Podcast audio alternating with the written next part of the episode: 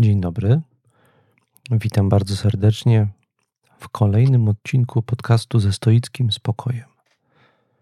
Chciałbym dzisiaj podjąć się kontynuacji realizacji wakacyjnego projektu, który nazwałem Prosty stoik wakacyjny. W dzisiejszym odcinku opowiem o zasadzie albo ćwiczeniu ostatniego dnia życia, a także zaproszę słuchaczy podcastu do pewnego do uczestnictwa w pewnym wakacyjnym stoickim wyzwaniu. Zapraszam do słuchania.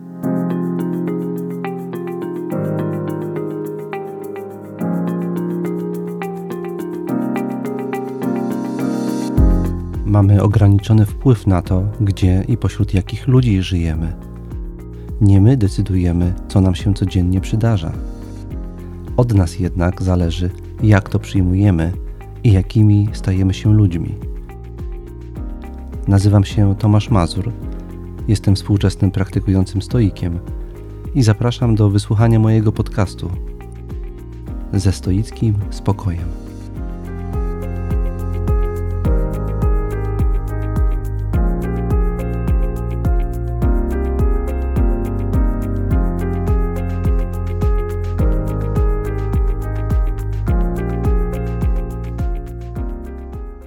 Pierwsze, dziękuję za wszystkie wakacyjne pozdrowienia i pytania. Po drugie, chciałbym na jedno z wielu pytań, które dostałem, odpowiedzieć. Właściwie to są dwa pytania, ale od jednej osoby. Osoby, która prosiła o anonimowość, to też nie podam jej imienia. Pytanie, pierwsza część tego pytania dotyczyła tekstów stoickich. Skąd dzisiaj brać antyczne stoickie teksty, zwłaszcza, że na rynku wydawniczym niektóre z nich bardzo dawno nie były wznawiane. Kiedy mówimy o tekstach, które stanowią dzisiaj nasze źródło wiedzy, tekstach źródłowych, które stanowią źródło wiedzy o antycznym, ortodoksyjnym stoicyzmie, w pierwszej kolejności oczywiście przychodzą teksty stoików rzymskich, zachowane w całości. E, tutaj mowa o Marku Aureliuszu, Epiktecie i Senece. E, w drugiej kolejności oczywiście może chodzić mm, o mm, takie między innymi źródła jak mm, rozdział poświęcony stoicyzmowi u Diogenesa Laartiosa, czy też te fragmenty pisarstwa Cycerona, które poświęcone są stoicyzmowi. Z nich także bardzo wiele można wyczytać Cyceron był myślicielem w zasadzie eklektycznym, ale też przechodził różne fazy mm, i w różnych okresach jego ewolucji bliżej było mu do różnych tradycji filozoficznych i był taki okres, gdzie bardzo mocno sympatyzował ze stoicyzmem i bardzo wiernie referował główne tezy stoicyzmu, więc do Cycerona także można sięgnąć. Ja y, wszystkim także bardzo często rekomenduję sięgnięcie do jednego z dialogów platońskich, który wydaje mi się, że można określić jako fundujący pewne kluczowe stoickie założenia. Ten tekst to platoński Gorgiasz. W Gorgiaszu Sokrates mierzy się z trzema rozmówcami. Mowa jest o dobru. Sposób, w jaki on to dobro tam przedstawia, jest e, bardzo stoicki w duchu więc można zacząć od tego tekstu. Jeżeli chodzi o dostępność tych, tych tekstów, to jest to prawda, że bardzo wiele z nich, tak jak już powiedziałem, przez wiele lat nie było wznawianych. Mamy nowe tłumaczenie od paru lat rozmyśleń Marka Aureliusza, bardzo dobre, warto do niego sięgnąć, e, autorstwa Krzysztofa Łapińskiego. I ono powinno być jeszcze w niektórych księgarniach dostępnych, przypuszczam. Podobnie jest z Seneką. Niektóre teksty Seneki w różnych, przy różnych okazjach były, były wznawiane zwłaszcza listy moralne do Lucyliusza, najbardziej klasyczny tekst Seneki. Epiktet już od kilkudziesięciu lat nie był wznawiany i właściwie jest białym krukiem. Gorgiasza można elektronicznie sobie ściągnąć. Sam niedawno e, korzystałem z takiej opcji, bo potrzebowałem coś w nim sprawdzić. Diogenes Laertios ciężko im powiedzieć. Na pewno można go zdobyć, ściągnąć elektronicznie, mm, więc tutaj trzeba się uzbroić w cierpliwość i trochę poszperać. Ja osobiście uważam, że naj, najbardziej efektywną metodą jest skorzystania z oferty którejś z dobrych bibliotek mm, i wypożyczenie sobie tych tekstów, ewentualnie skserowanie do swojego użytku, do, do użytku, do, do własnych potrzeb. To jest dozwolone, jeżeli ktoś w celach naukowych, badawczych kseruje sobie jakiś tekst, do którego inaczej nie ma dostępu. Ja tak zrobiłem z mm, Epiktetem, który, e, to jest zabawna historia, był e, w latach 60. się ukazał ten tekst, mm, tłumaczenie na język polski diatryb Epikteta. I ten tekst dość, e, to się ukazało nakładem wydawnictwa PWN. On dość słabo schodził, co jest naturalne przy tego typu literaturze, zwłaszcza w latach 60 ten nakład cały mm, przechowywany był w pewnym pomieszczeniu, które okazało się, że było potrzebne do innych celów. I któryś z przedstawicieli wydawnictwa, potrzebując, zdaje się, że chodził o jakiś bankiet, organizację jakiegoś bankietu partyjnego, zgodził się na oddanie tych, tego całego nakładu Epikteta na przemiał, po to, żeby zwolnić tą salę. E, I to jest zabawna historia, jednocześnie tragiczna. W efekcie tych egzemplarzy Epikteta na rynku jest bardzo, bardzo mało. Mm, y, jeżeli ktoś potrzebuje y, doświadczyć tekstu na papierze, to powinien po prostu sobie wypożyczyć go z biblioteki, a następnie ewentualnie do swoich potrzeb skserować. Ja kiedyś, nie pamiętam w jaki sposób wszedłem w posiadanie, ale zdobyłem też wersję elektroniczną, to znaczy PDF-a całego Epikteta. To można zrobić. Więc tak jak powiedziałem już, trzeba trochę poszukać i uzbroić się w cierpliwość. No ale mm, żeby zostać stoikiem, prędzej czy później tej cierpliwości trzeba się nauczyć. Więc to można potraktować jako pierwsze wyzwanie.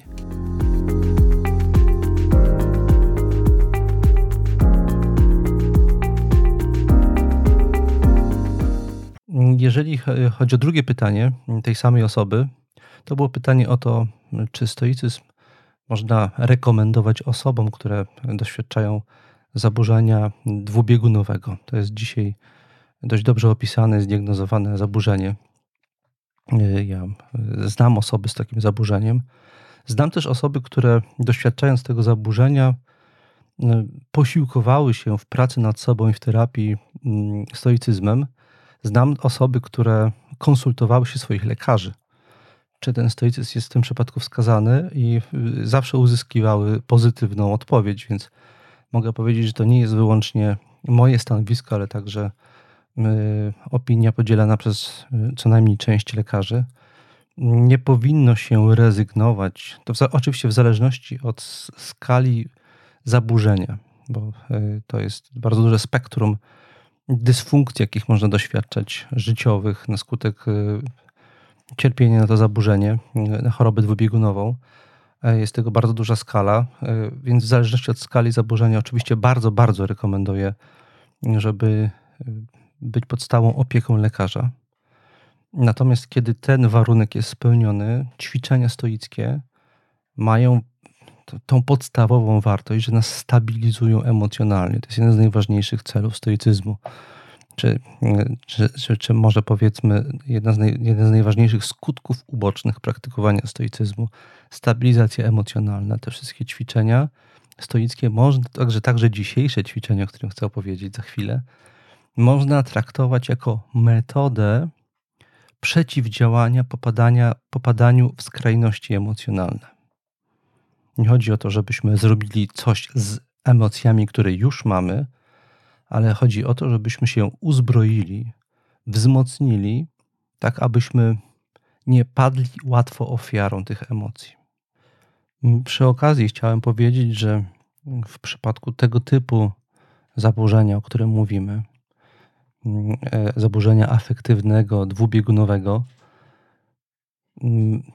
ciężko jest określić jednoznacznie granice, gdzie człowiek jest jeszcze normalny i stabilny, a gdzie już się zaczyna zaburzenie. To dotyczy bardzo wielu mm, zaburzeń o charakterze psychologicznym. Do pewnego stopnia, taka jest moja ocena, cała współczesna kultura trochę cierpi z powodu takiej dwubiegunowości. My jesteśmy stale podniecani i stale przeżywamy rozczarowania. Stale jesteśmy nakręcani różnymi aspiracjami, w efekcie czego, jak nam się one nie udają, to wpadamy w dołek, a jak nam się udaje, udaje coś wielkiego osiągnąć, doświadczamy irracjonalnej, nierzadko ekscytacji, która bierze w nas, nas w swoje posiadanie e, e, i pod wpływem tego zaburzenia radością e, podejmujemy bardzo często szkodliwe dla nas i dla naszych bliskich decyzje, bo tracimy po prostu zdrowy osąd, zdrową ocenę rzeczywistości, sytuacji. Mm, dwubiegunowość w mojej ocenie wpisana jest jakoś w kondycję współczesnego świata a stoicyzm rozumiem jako jedno z głównych narzędzi pracy, pracy z tym, radzenia sobie z tą sytuacją. Oczywiście, kiedy to zaburzenie w przypadku jednostek przekracza granice umożliwiające normalne funkcjonowanie na co dzień, potrzebna jest także porada u specjalisty. Natomiast na co dzień, oprócz takich sytuacji, stoicyzm, można powiedzieć, jest zaprojektowany dokładnie do radzenia sobie z tego typu dolegliwościami duchowymi.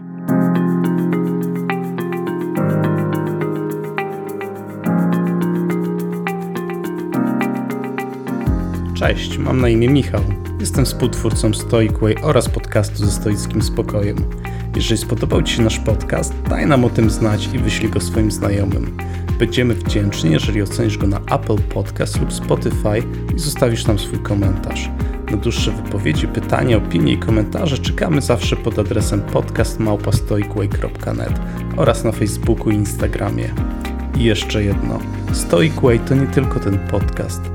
Na naszej stronie stoicway.net znajdziesz o wiele więcej, w tym nasze autorskie blogi. Organizujemy także warsztaty stacjonarne oraz unikatowy 6-miesięczny stoicki kurs online. Zapraszam Cię do wspólnej stoickiej podróży. Do usłyszenia! Teraz już przechodzę do omówienia tematu, który sobie na dzisiaj obrałem. Wcześniej, kiedy zaczynałem serię prostego stoika wakacyjnego, obiecywałem, że będę mówił w prosty, wakacyjny sposób o najważniejszych stoickich zasadach, tak żeby można było sobie to na spokojnie poukładać i przypomnieć te najważniejsze zasady. Dzisiaj chciałem powiedzieć o czymś, co jest w pewnym sensie przede wszystkim ćwiczeniem stoickim, ale na pewnym głębszym poziomie pokazuje jedno, jedno z głównych założeń filozofii stoickiej i o tych dwóch wymiarach tego mm, ćwiczenia chciałbym dzisiaj opowiedzieć. Ćwiczenie jest bardzo proste, znajdujemy je w tekstach praktycznie wszystkich mm, znanych nam antycznych stoików. Chodzi o pewną umiejętność wyobrażenia sobie, że dzień, który właśnie przeżywamy, jest naszym dniem ostatnim. Marek Aureliusz powiada w innym miejscu, że cechą człowieka wielkiego jest żyć tak, jakby każdy jego dzień był dniem ostatnim. Jest to trening koncentracji, się koncentracji na tym, co ważne tu i teraz. Powiedziałem, że to ćwiczenie polega przede wszystkim na wyobrażaniu sobie. Jego istotą jest umiejętność wyobrażenia sobie, że przeprowadzenia takiego eksperymentu we własnej głowie. Chodzi o to, żebyśmy sobie nie tylko wyobrazili, ale na jakimś poziomie w to trochę uwierzyli, że dzień, który jest właśnie przed nami, powiedzmy, że medytację wprowadzającą do tego ćwiczenia przeprowadzałem w swojej głowie wieczorem i ona dotyczy dnia nadchodzącego. Albo, i to jest najbardziej idealne rozwiązanie, tego rodzaju medytację przeprowadzamy z samego rana, mm, czyli na samym początku właśnie rozpoczynającego się dnia. W ramach tej medytacji powiadamy sobie, że to jest być może nasz ostatni dzień życia. Skupiamy się na tym, co ważnego mamy do zrobienia tego właśnie dnia. Co możemy zrobić dzisiaj, żeby przybliżyć się chociaż odrobinę do realizacji ważnych w naszym życiu celów. To wyobrażenie pozwala nam się skupić na dwóch najważniejszych w stoicyzmie pytaniach. Co jest dla mnie w życiu ważne? Człowiek powinien mnie, mieć to prze, przemyślane i mniej więcej poukładane i powinien do tego pytania sobie regularnie wracać. W ramach tego pytania ustawiamy, ustanawiamy w sobie we własnym życiu różne priorytety, do których dążymy. I te priorytety powinny być ujęte w dość ogólny sposób, który możemy mm, określić mianem wartości. Mówimy tutaj o takich wartościach jak praca, e, jak rodzina, jak mm, przyjaźń, jak rozwój artystyczny, ale także jak zdrowie, wiedza, spełnienie w miłości, działalność społeczna, czyli działalność na rzecz innych potrzebujących ludzi, albo powiedzmy wrażliwość estetyczna, także może być taką wartością. Tak więc, jak po tych przykładach widać, tego rodzaju wartości w naszym życiu może być bardzo wiele. I w ramach tego przygotowania do ćwiczenia ostatniego dnia życia należy sobie przypomnieć te najważniejsze wartości, które chcielibyśmy, żeby w naszym życiu się ziszczały. Następnie, i to jest drugie najważniejsze pytanie, jakie sobie stoik powinien stawiać. Następne pytanie brzmi następująco: Co ja dzisiaj, tego konkretnego dnia, mogę zrobić, żeby się do realizacji tej wartości przybliżyć? Zazwyczaj odpowiedź jest dość prosta. Jeżeli mają wartością w moim życiu jest rodzina, mogę zaprojektować danego dnia jakieś działania, które zacieśnianiu więzi rodzinnych sprzyjają. Jeżeli tą wartością jest przyjaźń, mogę sobie ten dzień zaprojektować w taki sposób, żeby móc spędzić czas z przyjacielem. Jeżeli tą wartością jest wiedza, pogłębianie, czyli e, przez wiedzę rozumiem pogłębianie swojego rozumienia świata, który nas otacza w jakiejś specyficznej dziedzinie, mniej lub bardziej zdefiniowanej. To rozumiem wtedy, że z tej wartości wynika konieczność zaplanowania sobie w ciągu dnia jakiejś na przykład bibliotecznej kwarendy, e, czy po prostu czasu z książką, z którą, obcujemy nie tylko w ten sposób, że czytamy, ale którą po prostu studiujemy, nad którą medytujemy i staramy się dzięki niej lepiej zrozumieć siebie i świat. Ja po stoicku rozumiem wartości jako przede wszystkim pewne projekty działań. Natomiast dobrze przeżyty konkretny dzień rozumiem w ten sposób, że w ramach tego dnia mamy możliwie wiele aktywności zaprojektowanych w taki sposób, żeby mm, te wartości w naszym życiu ziszczeć, żebyśmy dzień, dzień kończyli mm, z plusowym bilansem. E, to znaczy, że w obszarze którejś z wybranych, ważnych dla nas i realizowanych w naszym życiu wartości jest lepiej niż było. Na tym polega wartość dnia, na czymś, co możemy nazwać pozytywnym bilansie realizacji konkretnych wartości. Pod jakimś względem jakiejś wartości jest w naszym życiu więcej. Wyobrażenie sobie, że dzień, który właśnie przeżywamy, jest dniem ostatnim, służy w tym ćwiczeniu temu, żebyśmy nie skupiali się na dalekosiężnych celach wtedy, kiedy realizujemy konkretne działanie. Bo dalekosiężne cele, które na przykład w obszarze kariery zawodowej sobie stawiamy, albo w obszarze rodziny, kiedy obawiamy się o przyszłość naszych dzieci, albo o trwałość naszego związku, to są naturalne obawy, ale to jest coś, co się może wydarzyć kiedyś. Niestety, myślenie o tym, co się wydarzy może kiedyś, to może się kiedyś wydarzyć, ma taką właściwość, że zatruwa nasze myśli tu i teraz, ale także podminowuje efektywność i satysfakcję, jaką możemy uzyskać z działań podejmowanych tu i teraz. Umiejętne wyobrażenie sobie, że to jest ostatni dzień naszego życia, w związku z czym nie powinno nam już w ogóle zależeć na tym, co będzie kiedyś, gwarantuje nam efektywne odcięcie się od tych lęków i spokój w realizacji naszych codziennych zadań, a także to, co jest najważniejsze, czerpanie pełnej radości z tego, co robimy tu i teraz, jacy jesteśmy tu i teraz. Żeby to przybliżyć, pozwolę sobie e, użyć pewnej metafory. Wyobraźmy sobie, że bardzo nam się chce pić, ale jesteśmy jednocześnie bardzo spięci. Mamy ściśnięte gardło i zaciśnięte usta z nerwów. W związku z czym, kiedy dostajemy do ręki mm, szklankę wody, to tą wodę jesteśmy w stanie jedynie przez te zaciśnięte gardło bardzo, bardzo powoli sączyć.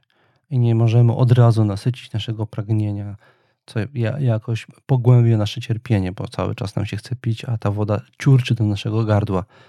Moim zdaniem tak jest bardzo często z naszymi mm, codziennymi działaniami. E, przebywamy z bliskimi e, i stresujemy się różnymi rzeczami, które się wydadzą, wydarzą w przyszłości. Załóżmy, że planujemy remont domu i się kłócimy z żoną mm, o to, e, co kupić, kiedy kupić i jak kupić. Ale to będzie w przyszłości. Ale przez to, że myślimy o tym, co będzie w przyszłości, jak przebiegnie ten remont, przez to, że cały czas zaprzątamy sobie tym umysł, nie dostrzegamy tego, co się dzieje między nami tu i teraz i nie umiemy się w pełni cieszyć naszą bliskością. Nasze emocjonalne usta są zaciśnięte i nie możemy chłonąć radości, jaką daje bliskość z drugim człowiekiem, który zdecydował się spędzić z nami życie. Temu więc przede wszystkim służy to ćwiczenie. Nie chodzi o to, żebyśmy nagle popadli w jakiś czarny defetyzm i wszyscy współcześni praktykujący stoicy, żeby nieustannie myśleli o tym, że lada moment mogą umrzeć. Bo ktoś, kto faktycznie nieumiejętnie to i tak depresyjnie przeprowadzi to ćwiczenie, może pogrążyć się w jakiejś melancholii, a nie o to tutaj chodzi. Tutaj chodzi właśnie o to, żeby dać do swojego serca dostęp radości. A ta radość jest w naszym zasięgu cały czas, ale my tego nie zawsze umiemy dostrzec i nie zawsze umiemy po nią sięgnąć. Podsumowując, mogę powiedzieć, że stoik to jest taka trochę metafora, żyje tylko jeden dzień. Każdy stoik praktykujący żyje tylko jeden dzień. Rodzi się rano, podejmuje dane życie, życie, które mu zostało dane, nie myśli o przyszłości, bo myśli o tym, co ma dzisiaj do zrobienia. Nie myśli o przyszłości, tej, która wybiega poza horyzont zbliżającej się danego dnia nocy. Może jedynie, jeżeli to jest ważne dla niego, poczynić jakieś odnośnie tej przyszłości plany. To może zrobić, bo planować może dzisiaj. Natomiast czy one się ziszczą, czy nie, o tym nie myśli. Może starać się jak najlepiej zaplanować pewne rzeczy i na tym się może skupić dzisiaj.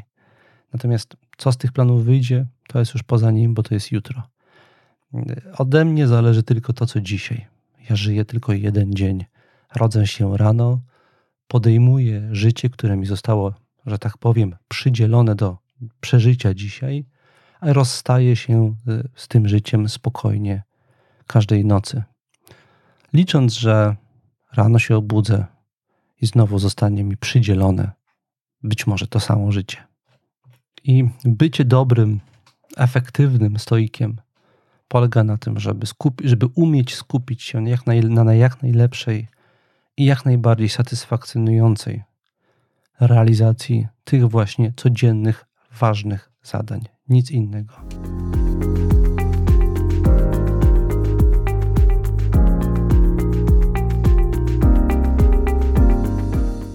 Tak w skrócie wygląda to ćwiczenie. Chciałem dodać, że wakacje, czas wakacyjny ewidentnie sprzyjają temu, żeby takie ćwiczenie sobie robić.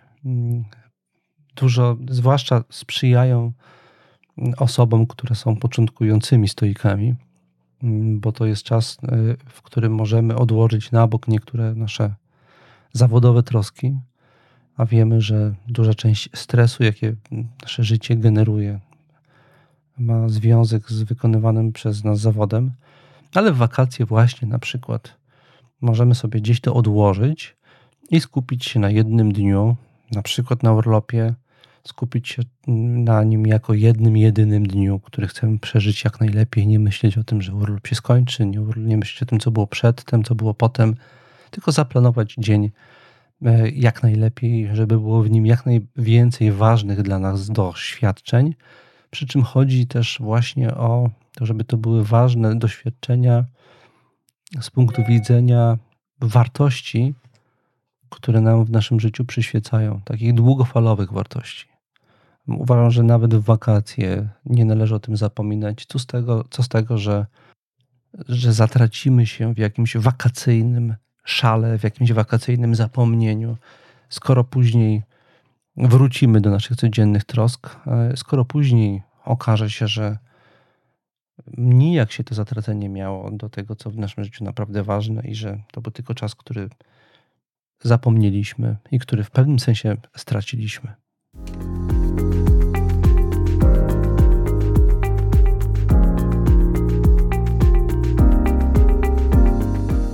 Na koniec chciałem przypomnieć y, wyzwanie, które, o którym tutaj już mówiłem, o którym także pisaliśmy na mediach społecznościowych Stoicway. To wyzwanie związane jest z tym, co określane jest czasami mianem cyfrowego detoksu. Ja dużo częściej używam określenia ascezy elektronicznej. Zachęcamy wszystkich sympatyków Stoicway i wszystkich słuchaczy podcastu ze stoickim spokojem do tego, żeby sobie zaplanowali w najbliższym okresie. Mamy przed sobą jeszcze cały wakacyjny miesiąc, żebyście sobie zaplanowali tydzień, półtora tygodnia. To oczywiście zależy od tego, gdzie jedziecie, jakie macie możliwości, jakie każdy z Was ma indywidualne możliwości, żebyście sobie zaplanowali odłączenie od środowiska cyfrowego. Można zrezygnować z komórki na większość dnia, informując o tym osoby, o które powinniśmy poinformować, żeby się nie martwiły.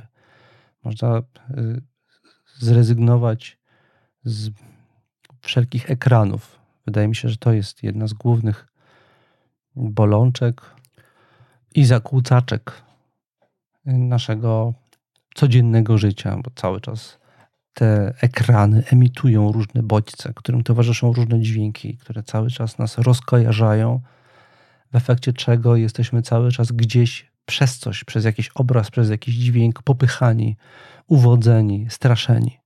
Chodzi o to, żeby odłączyć się od tego na jakiś czas, doświadczyć wewnętrznej ciszy, gdzie istnieje duża szansa, że spotkamy siebie e, i będziemy mogli ze sobą porozmawiać o tym, co jest w naszym życiu ważne i jak tego pilnować, bo na co dzień, kiedy jesteśmy zakłócani tysiącem bodźców, nie zawsze wiemy, jak tego pilnować. Sami się sobie wymykamy.